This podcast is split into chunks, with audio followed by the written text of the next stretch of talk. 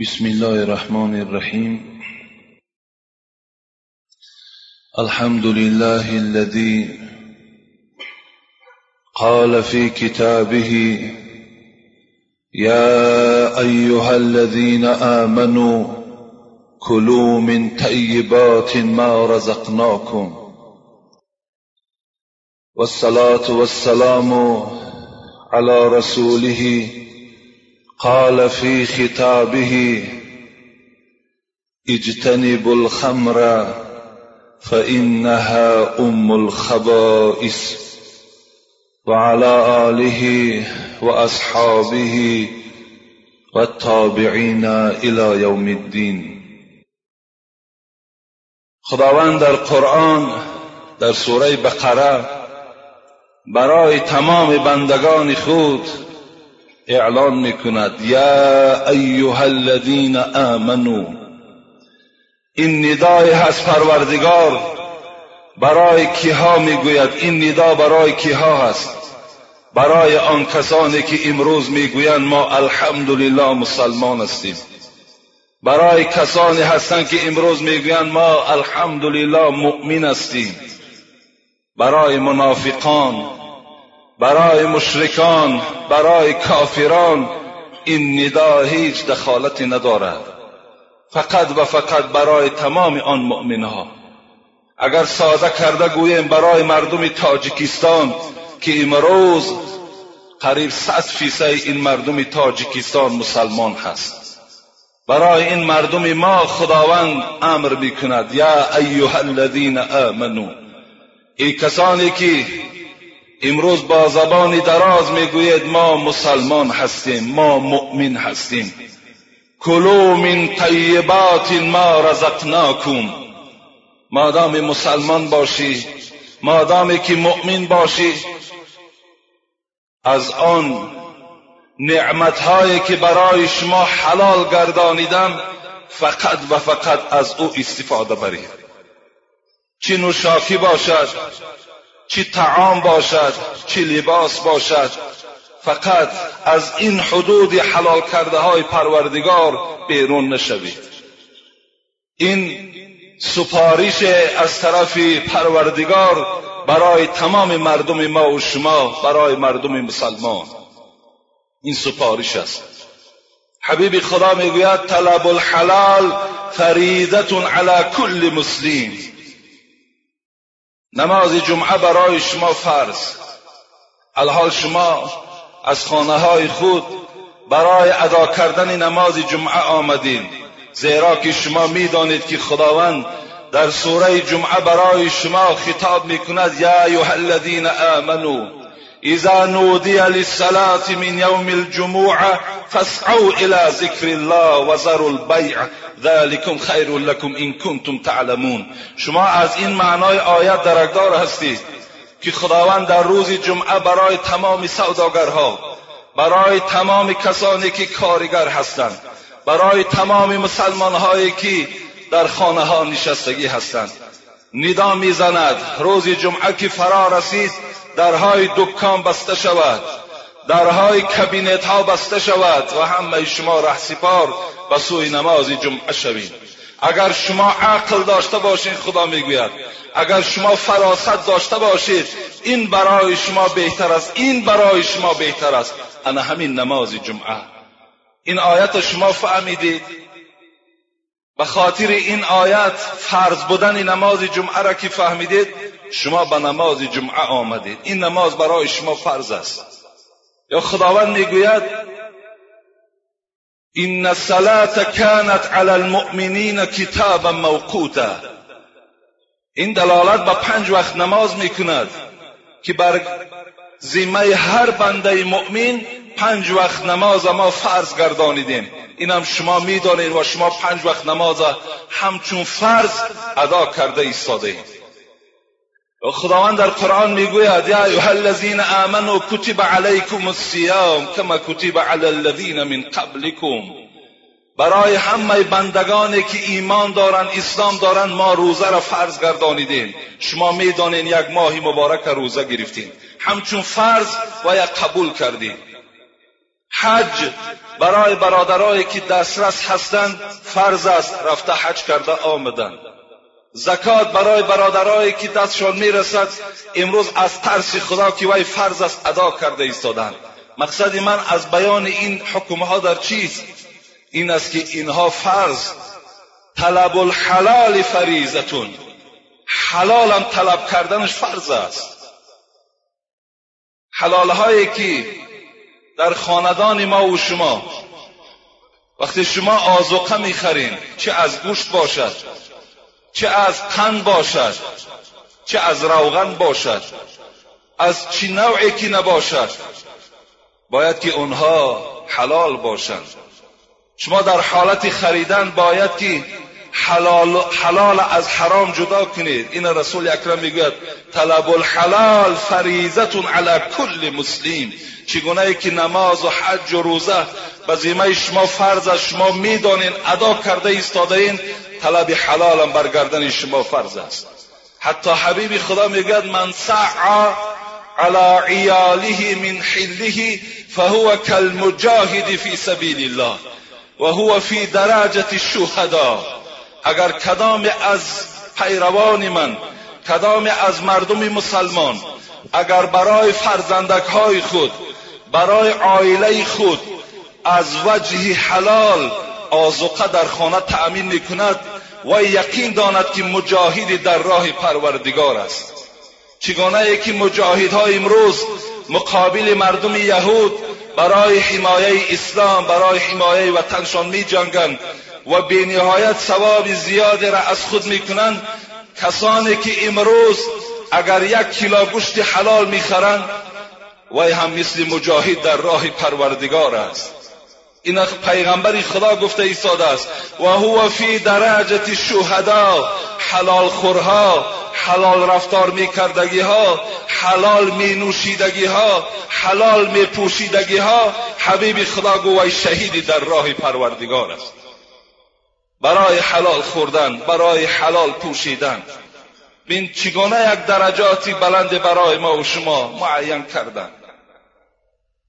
حبیب خدا یک قصه را ذکر می کند ذکر رجولا یتیل سفر اشعص اخبر ساعیا للحج والعمره حبیب خدا این حدیث مسلم است حدیث ترمیزی است.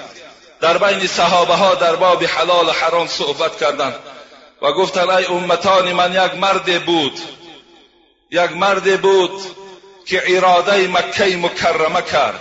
شاید در کولاب زندگی می‌کرد.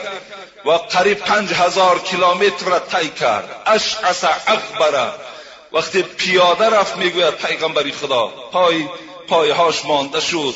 لباسهاش همه در راه کنده شد. غبار آلوده شد. بی نهایت مانده شد. عاقبت می‌گوید در خانه کعبه رسید. همین مرد. یمد یده الى السماء یا ربی یا ربی. و این مرد می‌گوید وقتی که به مکه مکرمه که رسید اینقدر کیلومتری دراز طی کرد اینقدر گرسنگی و تشنگی های زیاد از سر گذرانید نزد خانه کعبه دستهاش برداشت و پروردگارا پروردگارا آغاز کرد. و حبیب خدا گو و مطعمه حرام و مشربه حرام و ملبسه حرام و غذی بالحرام. این مرد گفت همان مردی بود که طعامش حرام بود لباسهاش از حرام بود نوشاکیهاش از حرام بود حتی دریافتنی لقمه با که نداشت پروا هم نداشت از کدام وجه می آید برای او فرقی نداشت. این مرد گفت دستش برداشت. فعنی یستجاب لذالک سوال دادم پیغمبر آیا این گونه بنده را پروردگار دعاش قبول می‌کند؟ گفت نه هرگز قبول نمی‌کند. اگرچند اینقدر اذیت کشید اینقدر عذاب کشید مهنت کرد. به خانه کعبه رسید. مادام تعامش حرام نوشاکیهاش حرام لباسش حرام تعام خانواده را تأمین میکردگیش همه حرام که بود. پیغمبری خدا گفت این دستها گو خالی برمیگردن. این دستها هیچ چیز از جانب پروردگار برخوردار نمی شود من لم یبال من عین اکتسب المال. پیغمبری خدا می‌گوید کدام از بندگان خدا از کدام راهی درآمدش را پروا ندارد؟ درآمد پول از کجا می شود از کدام راه درآمد است؟ با که ندارد پروای ندارد. فقط برای او لازم است که در جیب او آمده جای گیرد. لا یبالی الله لم یبالی الله من عین ادخله النار. پیغمبر خدا گفت خداوند می‌گوید مادام این باکی ندارد پروا ندارد که از کدام راه پول به جیب او میآید به خاندان او میآید. من که پروردگار او هستم من هم پروای ندارم از کدام دروازه دوزخ او را وارد دوزخ بگردانم. من هم پروا ندارم. تو هم پروا نکن. تمام حرام خوردن بگیر. نوشاکی های حرام دادن بگیر خوردن بگیر. نوشاکی های حرام فروش. نوشاکی های حرام رفته از دوشنبه بار کرده بیار. پر پروا نکن. پول کار کن. با فرزندهات خوردن بگیر. خدا می‌گوید من هم پروایی ندارم. در روز از روزها تو وارد نزد من می‌شوی. از کدام دروازه دوزخ خواهم تو وارد دوزخ می‌کنم؟ تو ابدی در, در دهان میمانی. این وعده پروردگار است برای آن کسانی که از وجه حرام از راه حرام دولت به دست میارن پول و مال جمع می‌کنن. یا ایها الناس باز خطاب می‌کند در سوره بقره. کلوا مما فی الارض حلالا طیبا ولا تتبعوا خطوات الشیطان انه لكم عدو مبین. انما یأمركم بالسوء والفحشاء وان تقولوا على الله ما لا تعلمون.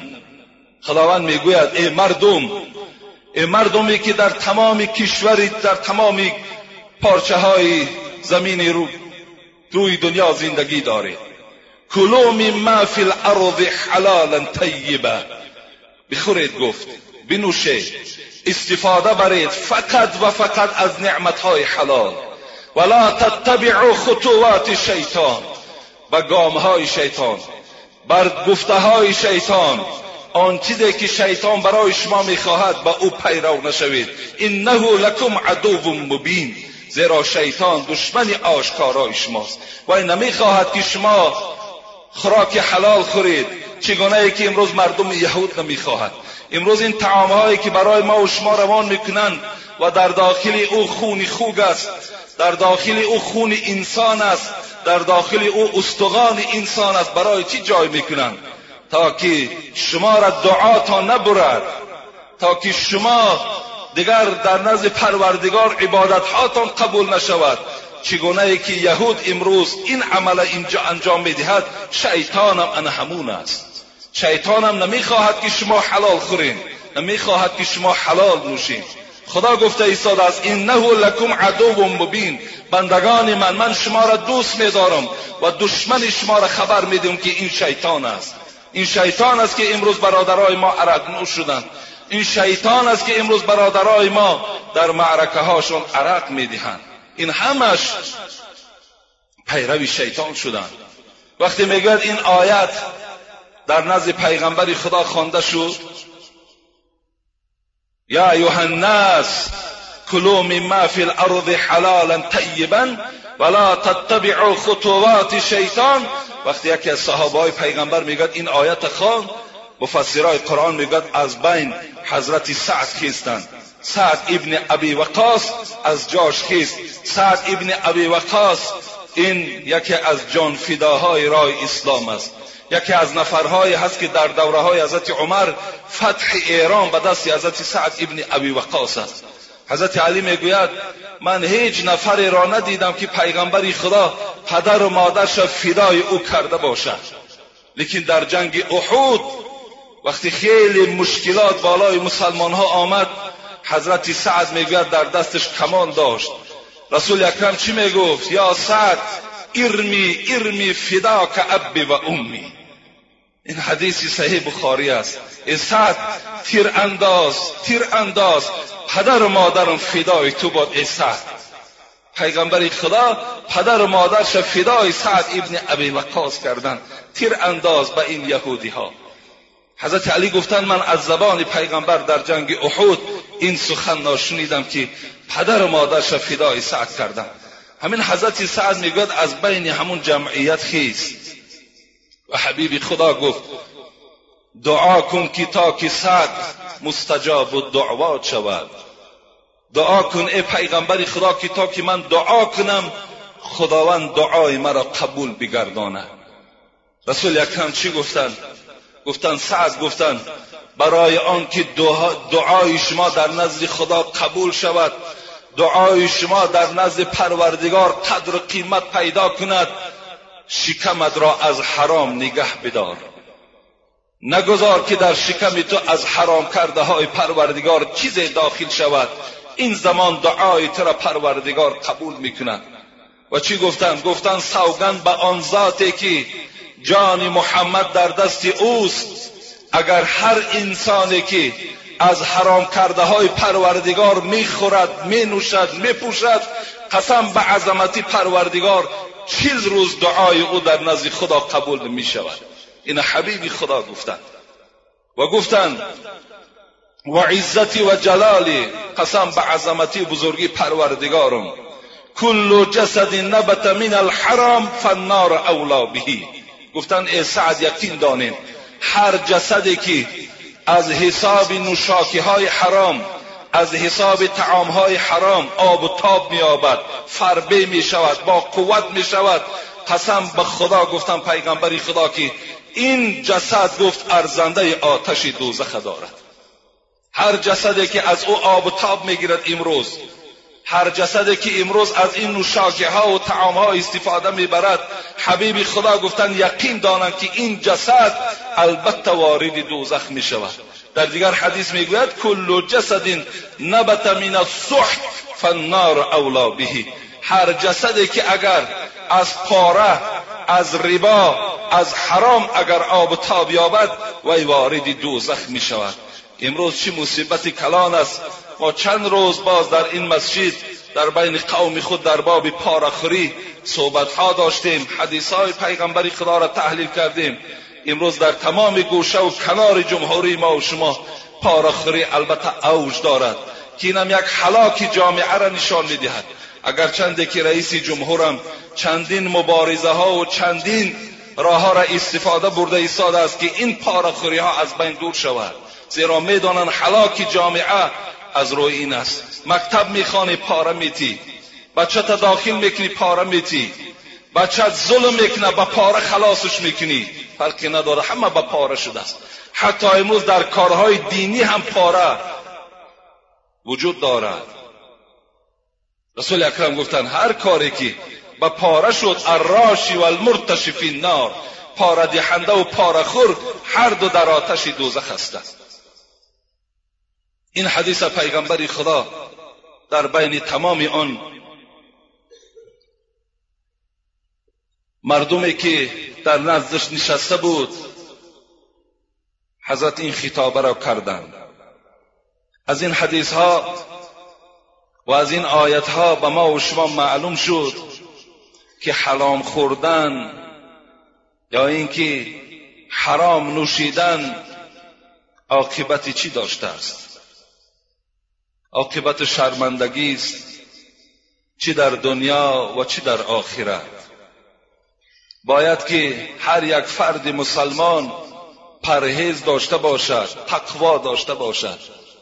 هر چی که یافت استفاده نبرد. باید یک تفحص یک جستجوی داشته باشد که همین مال از کدام راه آمده است. خدا رحمت و مغفرت کند. حضرت علی ابن معبد در کتابها حکایه می‌کنند رحمت الله علیه که یکی از محدثین بود. این تفسیر حدیث می‌کرد. می‌گوید بار در یک, یک خانه را اجاره گرفتم. اجاره گفتم این با های ما و شما کوارتیرانت میگن. در یک خانه می‌گوید رفتم اجاره نشستم. یک شب می‌گوید قلم را گرفتم و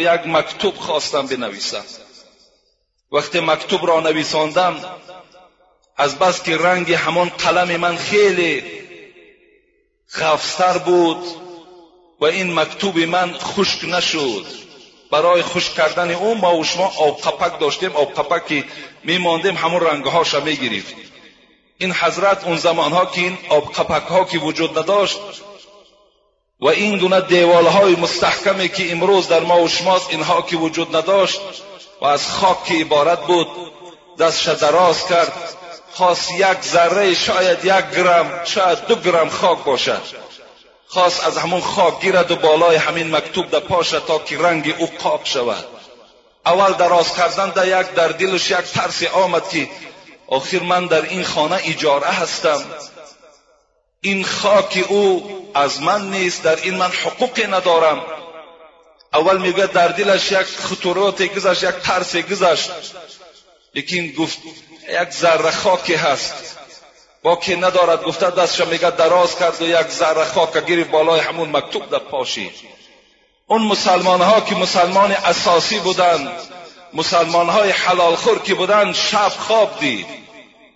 ولی ما و شما اگر تا بیگاه که اگر از حرام کرده ها خوریم چیزی در خواب ما نمی‌بینیم. اون حضرت در حال خواب دید. خواب خودش حقیقت دارد. خواب دید. گفت علی گفت تو به دل گذرانیدی که این یک ذره خاکی هست. لیکن یقین بدان که روز قیامت معلوم می شود که آیا همین یک ذره خاک حساب دارد یا ندارد. این ندا را می‌گوید شنیدم از جای خود حضرت می‌گوید ترسان خیستند که به دل خود تو گذرانیدی که این یک ذره خاک بود. آیا این هیچ گناهی نیست؟ لیکن ندا همچنان آمد که میدانی روز قیامت آیا این یک ذره حساب دارد یا ندارد. یعنی تهدیدش کردند چگونه امروز ما و شما از کمش ترس نداریم؟ این آینده آیسته آیسته آمده به همون حرام های کلان میرساند ما و شما را. حضرت عمر رضی الله عنه خدا رحمت و مغفرتشان کند چه یک دوره خلافت بزرگی را سپری کردند و می‌گوید بار می‌گوید مشت آمد مشت اون زمانها مثل خاک بود تقسیم می‌شد با کیلا و با گرم و یک مقدار مشک آمد حضرت عمر در بین مردم که ترس داشت که شاید به یکی زیاد می رود به یکی کم می رود مثل بعض تاجرهای بیرحمی ما نبود. می‌گوید اعلان کرد کی این مشک را تقسیم می‌کند؟ می‌گوید کسی صدا نداد. و عائله حضرت عمر می‌گوید گفتند ای عمر من تقسیم می‌کنم. حضرت عمر نخواست که زن او از این مشک به مردم تقسیم کند. باز اعلان کرد کی این مشک را تقسیم می‌کند. باز زنش آواز داد من تقسیم می‌کنم. باز نخواست سوم بار اعلان کرد. باز زنش گفت من تقسیم می‌کنم. گفت تو تقسیم نمی‌کنی؟ گفت. زیرا در حالتی که تو تقسیم می‌کنی؟ گفت همان بوی مشک در دستی تو میچسبد. این در چی جواب میگوی تو؟ بوی مشک در حالت تقسیم کردن که وقتی یک خوشبویی را تقسیم می‌کنیم ما و شما در پوست ما که بوی او میچسبد از بوی وی حضرت عمر ترسان بودند عمر ابن عبدالعزیز عمر ثانی می‌گویند. می‌گوید وقتی مشک تقسیم می‌کرد حضرت دهان و بینی خود بالاتر میبست که تا که از بوی او در مشامش نرود. تا که از او استفاده می‌شود می‌گفت. این گونه پرهیزها داشتند که خداوند امروز اونها را اینقدر منزلت درجات داد که در کتاب نام آنها ذکر می شود از قصه های آنها ما و شما استفاده می بریم اونها هم مثل ما و شما بنده بودند. اونا از یگان جوهر و از یگان تیلا ساختگی نبودند. اونا هم مثل ما و شما انسان بودند.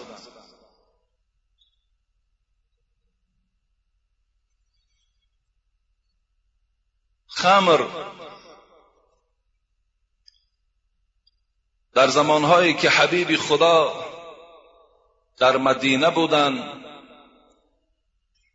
تا حال حرام حکمش آمدگی نبود. حرام شدن خمر سه مرحله دارد. یکی سوره بقره یکی سوره نیسا یکی سوره مائده. در این سه سوره با نوبت عرق حرام گردید.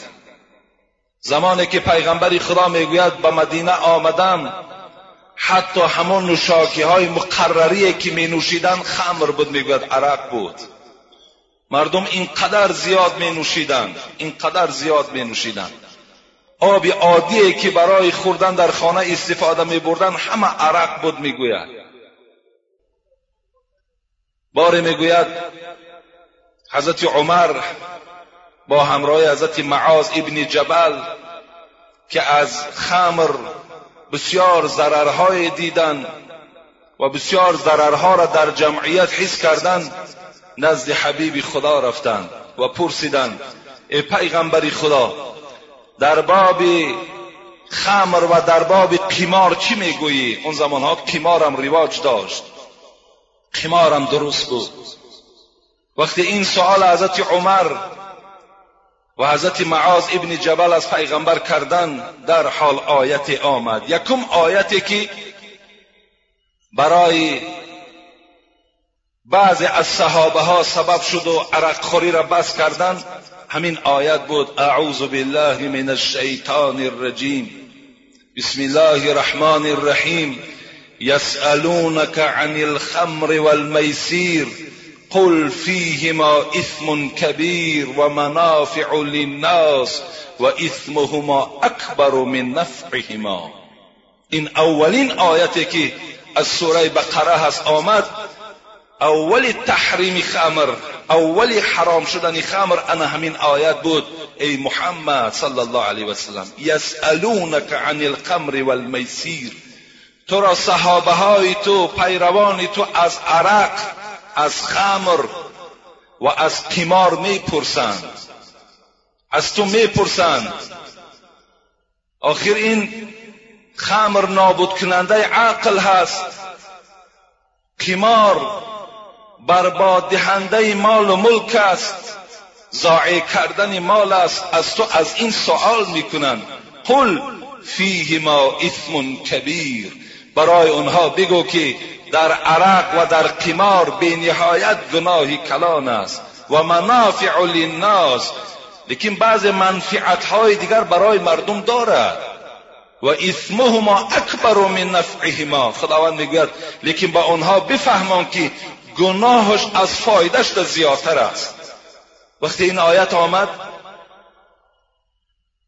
بعضی از صحابه ها میگد نوشیدن بس کردند لیکن حضرت عمر خدا رحمت و مغفرتشون کند چی گفتند اللهم بین لنا فی الخمر بیانا شافیه ای خدای مهربان باز دعا کرد برای ما در باب خمر روشنتر خبر بده از خداوند باز طلب کردن من می‌گویم و منافع للناس بعض فایده های برای مردم دارد. لیکن گناه وی از فایدهش در زیادتر از خدا گفت. فایده هاش در تفسیرهای قرآن در می‌گوید شهوانی می شود و اقتصادی می شود یعنی عرق فایده های شهوانی دارد و اقتصادی دارد. شهوانیش همین است که وقتی او را خوش می کند وقتی عرق می نوشد عرق نوش مثال وقتش خوش می شود خب و اگر خیلی آدمی بخیلم که باشد می‌گوید بعد سخاوتمند می شود آدمی که عرق می نوشد بعضی مفسرها گفتن خوراک خوب حضم می کند فایده هایی که برای مردم می‌داد است. یکی خدا گو اسمش گناهش از فایدهش زیادتر است. زیرا از همه بزرگترین نعمت برای انسان عقل هست. عقل او را دور می کند و او فحش می‌گوید ناسزا می‌گوید دلازاری می‌کند. قمارش هم همچنین. حضرت عمر باز دعا کردن خدایا برای ما آیت روان کن که روشنتر باشد. اگرچه بعضی صحابه ها بس کردن از روی این آیت لیکن باز خمر دوام داشت خوردنش دوام داشت. دوم آیت آمد. دوم آیتش سببش می‌گویند این است که وقتی می‌گوید صحابه ها در یک خانه جمع شدن حتی حضرت علی رم نام می‌برند. وقتی می‌گوید نماز شام شد یا نماز خفتن بود اونها مست بودند. و خیستن خواستن که نماز خوانند وقتی می‌گوید آغاز کردن قل یا ایها الكافرون ما اعبد ما تعبدون و نحن نعبد ما تعبدون. به نهایت غلط خواندن آیته سوره قرآن تماما غلط خواندن. و در حال آیت آمد. اعوذ بالله من الشیطان الرجیم لا تقربوا الصلاة وانتم سکرا حتی تعلموا ما تقولون. خداوند روان کرد بر محمد صلی الله علیه و سلم. و تمام پیروان خود خبر بده که وقتی مست باشند به نماز نزدیک نشوند. این آیت آمد. این آیت هم سبب شد که بعض از صحابه ها باز بس کردن لیکن روشن نبود. حرام بودن او تا حرام بودن او تا حال روشن آمدگی نبود. عاقبت باز حضرت عمر دعا کردن پروردگارا برای ما حرام بودن خمر و قمار را روشنتر بیان کن. مفسران میگن این دعای حضرت عمر بود. عاقبت میگه در سوره مائده با طریق روشن پروردگار روان کرد آیت را اعوذ بالله من الشیطان الرجیم بسم الله الرحمن الرحیم انما الخمر والميسر والانصاب والازلام رجس من عمل الشيطان فاجتنبوه لعلكم تفلحون إنما يريد الشيطان أن يوقع بينكم العداوة والبغضاء في الخمر والميسير. این آیت آمد. این آیت آمد. حضرت انس میگوید من در خانه ابو طلحه بودیم. در همونجا میگوید کنت ساقی القوم. من ساقی قوم بودم. میگوید. تا حال می‌گوید این آیت که ما به گوش ما نرسیده بود من در خانه حضرت ابو طلحه نشسته بودیم. عبیدالله ابن جراح هم می‌گوید بود عبدالرحمن ابن عوف هم بود. می‌گوید در اونجا ما در حالت نوشیدن خمر بودیم. و من حضرت انس که قریب ده سال خدمت حبیب خدا را کرده است می‌گوید من ساقی بودم. به ناگاه می‌گوید یک ندای شنیدیم. کسی از بیرون فریاد زده ایستاده است.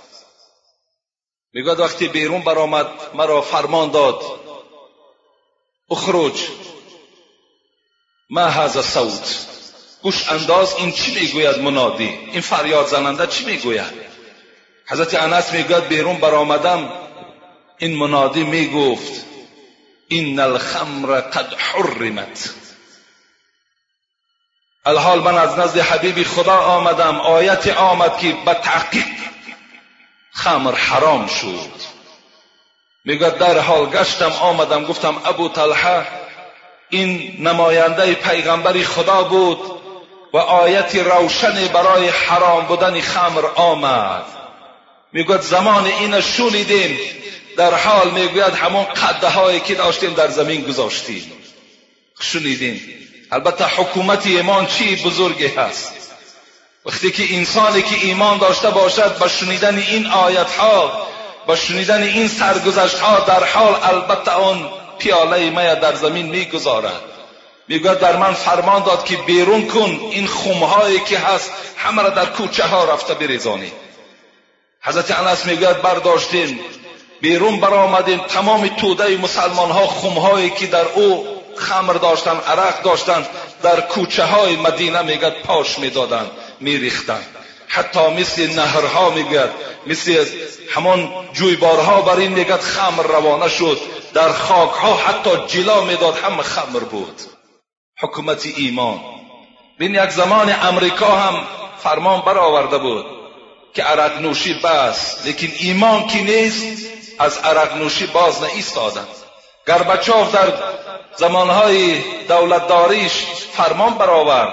حتی تاکها انگورها بریده شد. شیشه ها شکسته شد. لیکن باز عرق نوشی اوج برای ایمان ندارن اونها. که حکومت ایمان چنان حکومتی هست که با مجرد شنیدن صحابه ها می‌گوید همه در زمین گذاشتیم.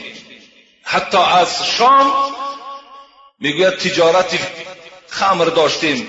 تاجرها می‌گوید وقتی که به نصف راه به مدینه ندار آمده که شنیدن که عرق حرام است در بین راه می‌گوید گذاشتن نزد حبیبی خدا آمدن. گفتن حبیبی خدا آیا در باب خمر چیزی هست؟ گفت امروز ای پیروان من الکی خمر حرام شد با طریق واضح مرحمت خوانید. می‌گوید آمدن در همون بین راه. دیگر نگفتن که من در اینجا هزار سامانی و ده هزار سامانی صرف کردم. اینشم میفروشم بعدا نمی‌کنم نگفتن. در جاش ریختن نابود کردن زیرا که حکم خدا بود. اینما الخمر والمیسیر والانصاب والازلام رجس من عمل شیطان. خدا می‌گوید به درستی این که خمر عرق میسیر قماربازی انصاب و ازلام فالبینی و بودپرستی ریچ پلید هستند. مفسران میگن خداوند ریچ کلمه ریچ را که پلیدی هست فقط در گوشت خوب و در بودپرستی استفاده کرده است و خلاص.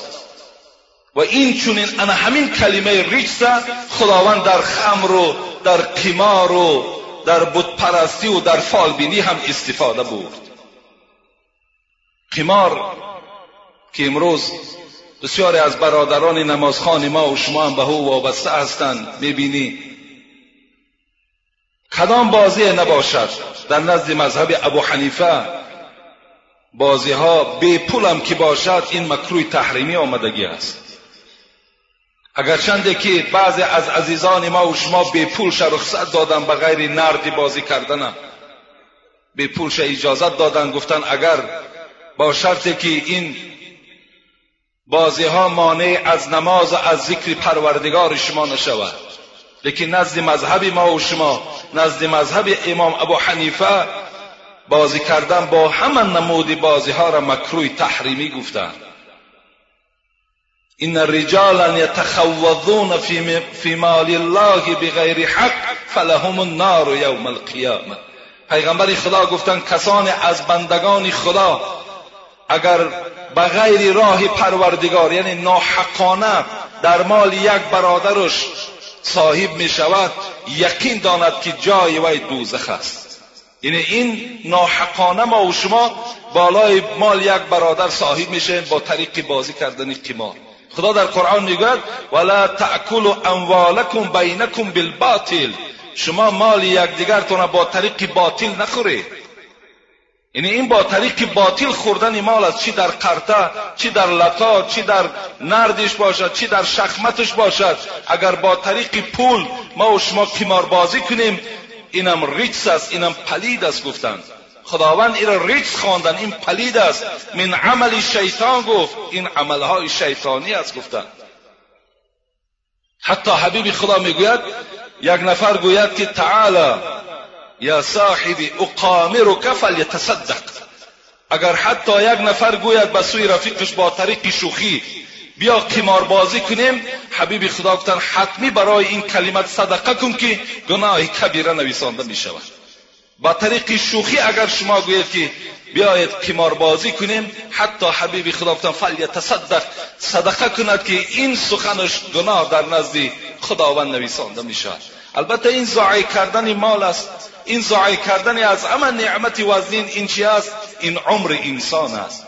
شما یک ساعت دو ساعت از این بازی ها سیر نمی کنید شما حتی که هست شخصانی که دیگر در اون حالت نه نماز پیشین به یاد اونها میزود نه نماز عصر به یاد اونها می‌زند که این نمازها را حتی خوانن هم در آخری وقتش می‌خوانند برای شیرینی همون بازیه که اونها مشغول هستند. وقتی می‌گوید این آیت که آمد حضرت عمر می‌گوید وقتی این خواند یسد عن ذکر الله و عن الصلات فهل انتم منتهون. خدا گفت که این خمر این قمار چنان بازی ها و چنان نشاکی های هستند که شما را از ذکر پروردگارتان و شما را از نماز باز می دارد فهل انتم منتهون خدا گفت آیا باز میستین از این یا نه؟ می‌گوید حضرت عمر وقتی این خان گفت انتحینا انتحینا. پروردگار بس کردیم. پروردگار را با همین روز خاتمه بستیم. تمام ما دیگر به قمار و با عرق نزدیک نمی‌شویم. خوش به حال همون امتانی که این سخنی که حضرت عمر گفت انتهینا انتهینا. تمام تمام پروردگارا. کاش که این کلمه تمام در زبانی این امتانی که امروز در این بین مردم ما و شما زندگی دارند این کلمه را تا که داخل بگردانند تا امروز اگر میخوردگی باشد تا امروز اگر برای زینت در همان اتاقهای خانه گذاشتگی باشد که در اون خانه ای که اگر عرق باشد ملائکه رحمت نمی دراید تا امروز اگر عرق فروش باشد تا امروز اگر خریدار او باشد اگر از این سخنها عبرت گیرد و گوید که انتهینا پروردگارا بس امروز من حقیقت او را فهمیدم خوش به حالش و الا اگر دوام دهد برای چی من در خطبه چی خواندم حدیث؟ قال رسول الله صلی الله علیه و سلم الخمر پیغمبر گفتند. ام الخبائث. اجتنب الخمر فانها ام الخبائث. شما ای امتان من از عرق دوری جویید. حتی اگر در خاندانی می روید که در اونجا عرق در بالای دسترخان است ننشینید. زیرا حدیث ابو داود است. من کان یؤمن بالله والیوم الاخر فلا یقعد علی مائده تدار علیها الخمر. اگر در کدام دسترخانی که عرق باشد شما امتان بی غیرت شما امتان بی ناموس برای وظیفه مو انسان برای که وی منصب دارد برای که وی پول دارد اگر رفته در دسترخان اون نشستید حبیب خدا گفت تو ایمانی بر روز قیامت نداری. تو ایمانی بر زنده شدن در قبر نداری. وقتی در دسترخانی که عرق باشد تو در آمده نشینی. این در حبیب خدا اجازت ندادن این سخن پیغمبر است پیغمبری خدا می‌گوید شما از خمر دوری جوید زیرا که این مادری گناه هاست من برای مادری گناه بودن این برای شما یک قصه میارم در تفسیر قرطبی در تفسیر همین آیت یسالونک عن الخمر والمیسیر یک قصه میارد می‌گوید یک جوانی بود خیلی زیبا بود و خیلی آدمی با غیرت بود آدمی دیندار بود و در همان محله در همان شهر پیشوا بود. و یک زن می‌گوید بسیار به این جوان به این پیشوا به این عالم عاشق شد. و خواست از او یک استفاده برد هر راه ها را میکافت نمیافت. عاقبت چیکار کرد؟ عاقبت می‌گوید غلامی خود روان کرد که رفته این عالم را بگو که من یک مسئله را از او پرسان می‌کنم یک مسئله شریعتی را. بگو که به پیش من بیاید. وقتی می‌گوید این جوان آمدن این زن در حال می‌گوید همان لباس های شب خواب کنکش را در بر کرد. چه زیب و زینت داد پیشای برا کشاده کرد. وقتی این مرد می‌گوید در آمد در حال میگه درها را امر کرد که درها را بسته کنید. درها میگه بسته شد. و این جوان در حیرت مان و این چه حادثه است؟ گو من از تو سؤال ندارم. برای من هیچ مسئله شرعی تو لازمم نیست. لیکن من به تو عاشق شدم. من می‌خواهم از تو استفاده برم. اگر به من نزدیک نمی‌شوی گفت. الحال گفت در همین شهر گفت تو را من شرمنده می‌کنم؟ البته این گونه تهمت ها در راست آدمای دیندار زیاد است. گو شرط دارم اگر شرطی مرا اجرا کنی مرحمت. گو چی شرط داری؟ گو با من یک جایه می‌شوی خلاص میبرای میره. یا گفت این غلامی که می‌بینی پا و دستش بسته هست اینه می‌کشی یا این یک پیاله قدهی که پر از عرق است اینه می نوشی؟ کدامی از این اختیار می‌کنی؟ گفت تمام من دروازه تا کشاده می‌کنم برای تو جواب. این پیشوا میگد فکر کرد که کشتن انسان خیلی گناهی وزنین است. غلام کشتن این وزنین زنا کردن از اون ده بدتر. میلش همین عرق می نوشم. و از اینجا خلاص می شوم و سوی پروردگارم زاره و تولا می کنم. این برای من درس می شود. گو من همین قدر می نوشم. گو اختیار داری مرحمت. می‌گوید قده خیلی میگد همون درجهش بلند بود. می‌گوید خیلی سخت بود. می‌گوید وقتی همین یک پیاله را نوشید یک زمان ناگذشته می‌گوید که این جوان می‌گوید الله میگد دیگرگون شد. وقتی می‌گوید حالتش دیگرگون شد باز میگد از این زن طلب کرد پیاله دیگر بریز. باز می‌گوید دویم ریخت سیوم شم خورد. وقتی نوشید می‌گوید دیگر الله که چی شد؟ الله که از عقل بیگانه شد می‌گوید. خواست بالای زن حجوم کند برای آدمی مست چی مادرش باشد چی خواهرش باشد چی همسایش باشد و فرقی ندارد. امروز ما و شما از قصه ها و از مجله ها خوانده ایستاده ایم که همه کارها در حالتی مستی می شود چی کشتار است چی زنا است همین کزیناهایی که امروز پیدا شدن همونها در حالتی مستی همه کار انجام می‌دهند. اگر وی هوشیار باشد کم ذره ایمان کی دارد وی در این کار قادر نیست. وی مست می‌کنند بعد وی البته به همه کار قادر می‌شود. می‌گوید خواست که بالای این زن هجوم کند و با این زن یک جایه شود. این زن گفتن نگفتم به من نزدیک نشو. تا اگر همین غلام نمی‌کشی به من نزدیک نمی‌شوی. گفتن هیچ گپی نه کار ده گرفتن دیگر عقل نیست فراست نیست. این غلام میگه کشت. و بعد کشتن میگد این زن دیگر داد و فریاد زد اعلان کرد بیایید که این خانه من در آمد است. بینید همه سرچشمه همه این از چی سر شد؟ از عرق سر شد. این از ضرر البته به البت عرق برای هر یک فرد مسلمانی که اگر عقل و فراست داشته باشد. در قصه ها می آید که بار یک زن در قد راه ایستاده بود. این مرد حکایت می‌کرد وقتی من به پیش او میگذشتم جانب من اشاره کرد که نزد من بیا. میگد نزد وی رفتم. گفت ثواب می‌خواهی؟ گفتم بلی ثواب می‌خواهم. گفت در خانه من گفت شوهرم در نزع جان است. را برای وی کلمه بگو. این مرد می‌گوید من داخل این خانه شدم دیدم که در اصل مرد در نزع جان بود. و در حال می‌گوید نزد او نشستم و گفتم بگو اشهد ان لا اله الا الله اشهد ان محمدا عبد و رسوله. دو بار سه بار تکرار می‌کنم. این مرد تماما این کلمه را تکرار می‌کند.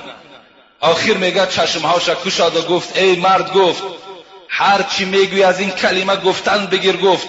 من از دین اسلام هم بیزار هستم از این کلمه هم بیزار هستم. و می‌گوید چشمها را پوشید و جام به حق تسلیم کرد. می‌گوید وقتی این سخن از زبان اون شنیدم این مرد می‌گوید من در حیرت مادم این کی باشد؟ وقتی از زن او پرسیدم و ای گفت این مدمن الخمر بود این عرق نوش بود. در حال چی گفتن حضرت؟ صدق رسول الله صلی الله علیه و سلم. میگد راست گفت پیغمبری خدا. چی کلمه را راست گفت؟ من شرب الخمر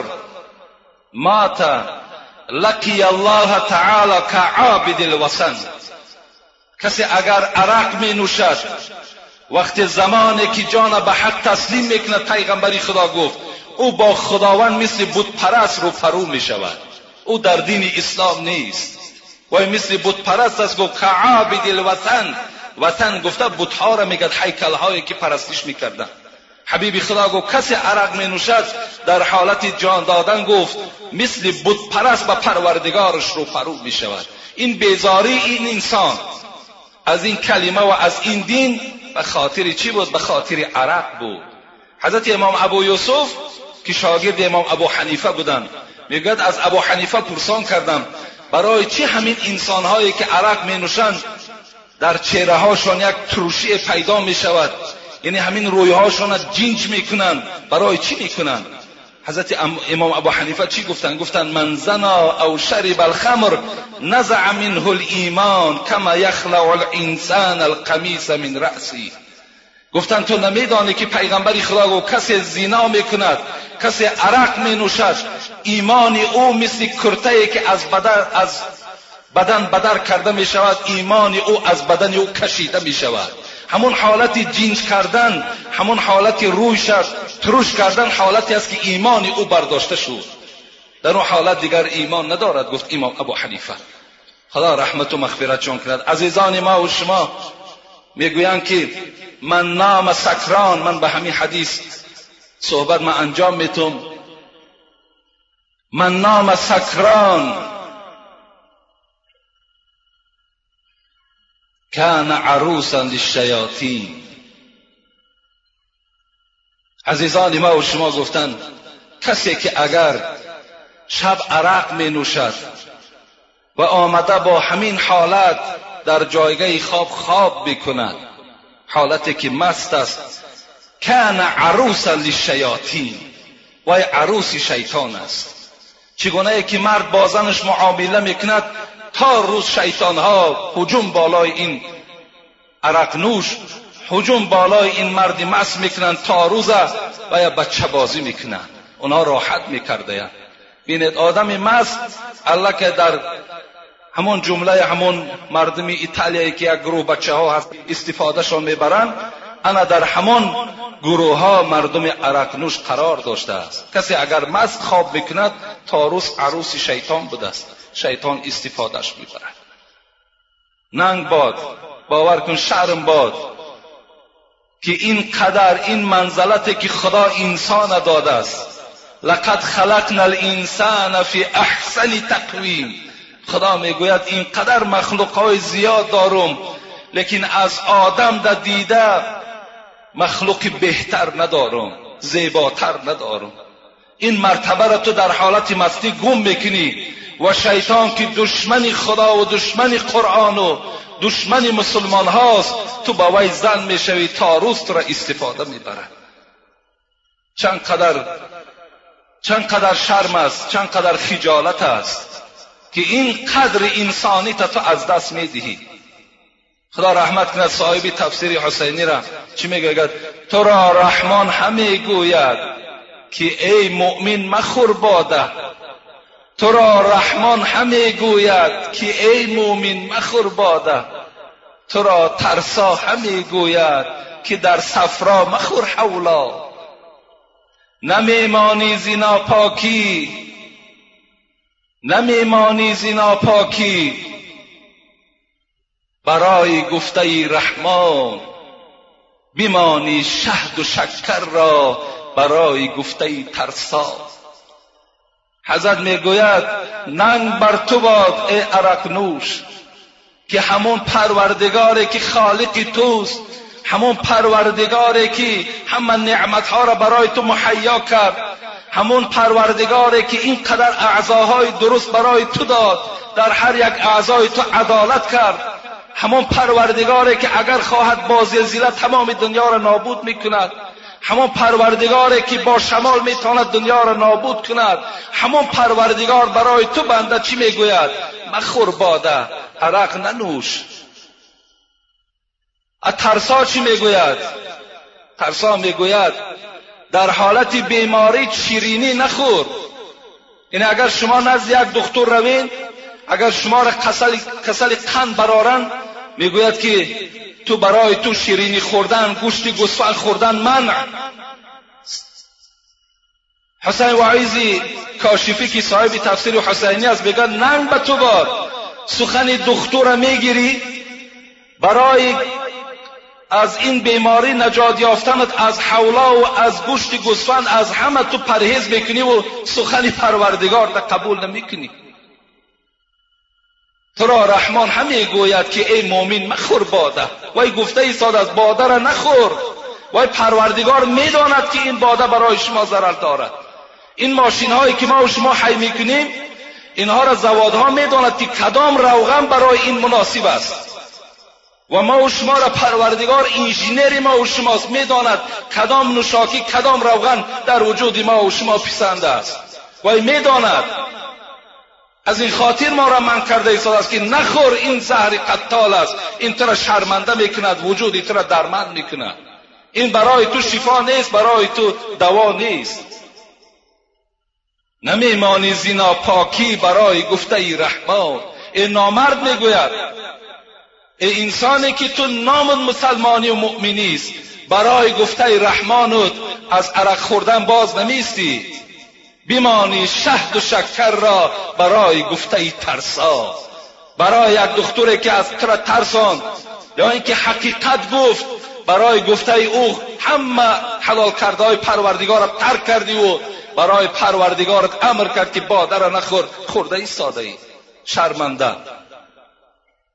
و آخر دعوانا ان الحمد لله رب العالمین. انشاءالله من این موضوع را انجام ندادم. خدا خواسته باشد جمعه های آینده باز آن آیت ها و آن احادیث هایی که در این باب هست باز به سمع شما می رسانم یک مسئولیتی هست در زیمه ما. من به همه شما می رسانم و این حواله بر ایمانداری و مسلمانداری شما می‌کنم.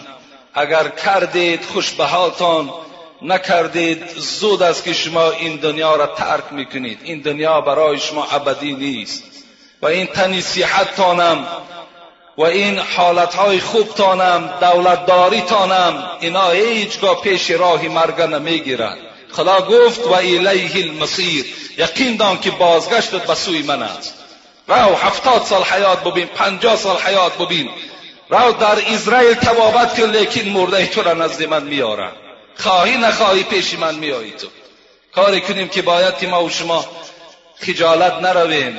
کاری کنیم که با یک چهره سرخ کاری کنیم با یک ایمان با حبیب خدا رو پرو شویم.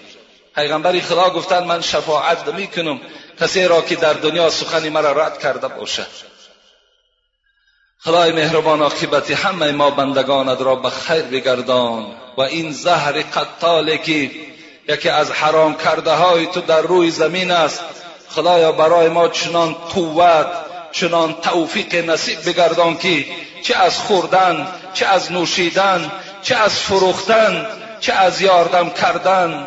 خدای مهربان ما باز استیم و پروردگارا چنان توفیق برای ما نصیب بگردان که بهترین نعمت که ایمان است این ایمان را گرفته وارد قبر و وارد روز قیامت گردیم. و خدایا این جمهوری ما را آباد بگردان. یک دلی و یک دیگر فهمی را حکمران این جامعه ما بگردان. ربنا فاغفر لنا ذنوبنا وكفر عنا سيئاتنا وتوفنا مع الابرار برحمتك یا ارحم الراحمین. پیغام است می‌خوانیم دعا می‌کنیم. روزم بسیار روزی خنک. داملای محترم اکای حاجی میرزا سلام و درود بی پایان از شهر مسکوه. از نام برادر اهل اسلامی شما علی شیرجان و یک گروه تاجیک بچه هایی که مخلص دائمی شما اشور رجبلی از شهر کولاب و عبدالله از ناحیه آرجان کیزاباد خواهش داریم که در حق ما یک کف دعای می‌دادید و بعدا از خداوند متعال دعا میطلبیم که دنیا و قیامت شما را خداوند آباد بگرداند. ما هم دعا می‌کنیم خدایا این برادرهایی که الحال نام اونها را خواندیم و از ما یک کف دعا طلب کردن خدایا در این روز سعید این بنده های خدا با دست پور با مرادهای حاصل شده با تنی صحت خدایا به خاندانشان صحت و سلامت بر بگردان و هر مرادهای نیکی که داشته باشند خدای مهرمان با فضل کرم خودت برآورده بگردان. آمین یا رب العالمین. خدا عاقبت همه شما را بخیر کند. آمین یا رب العالمین.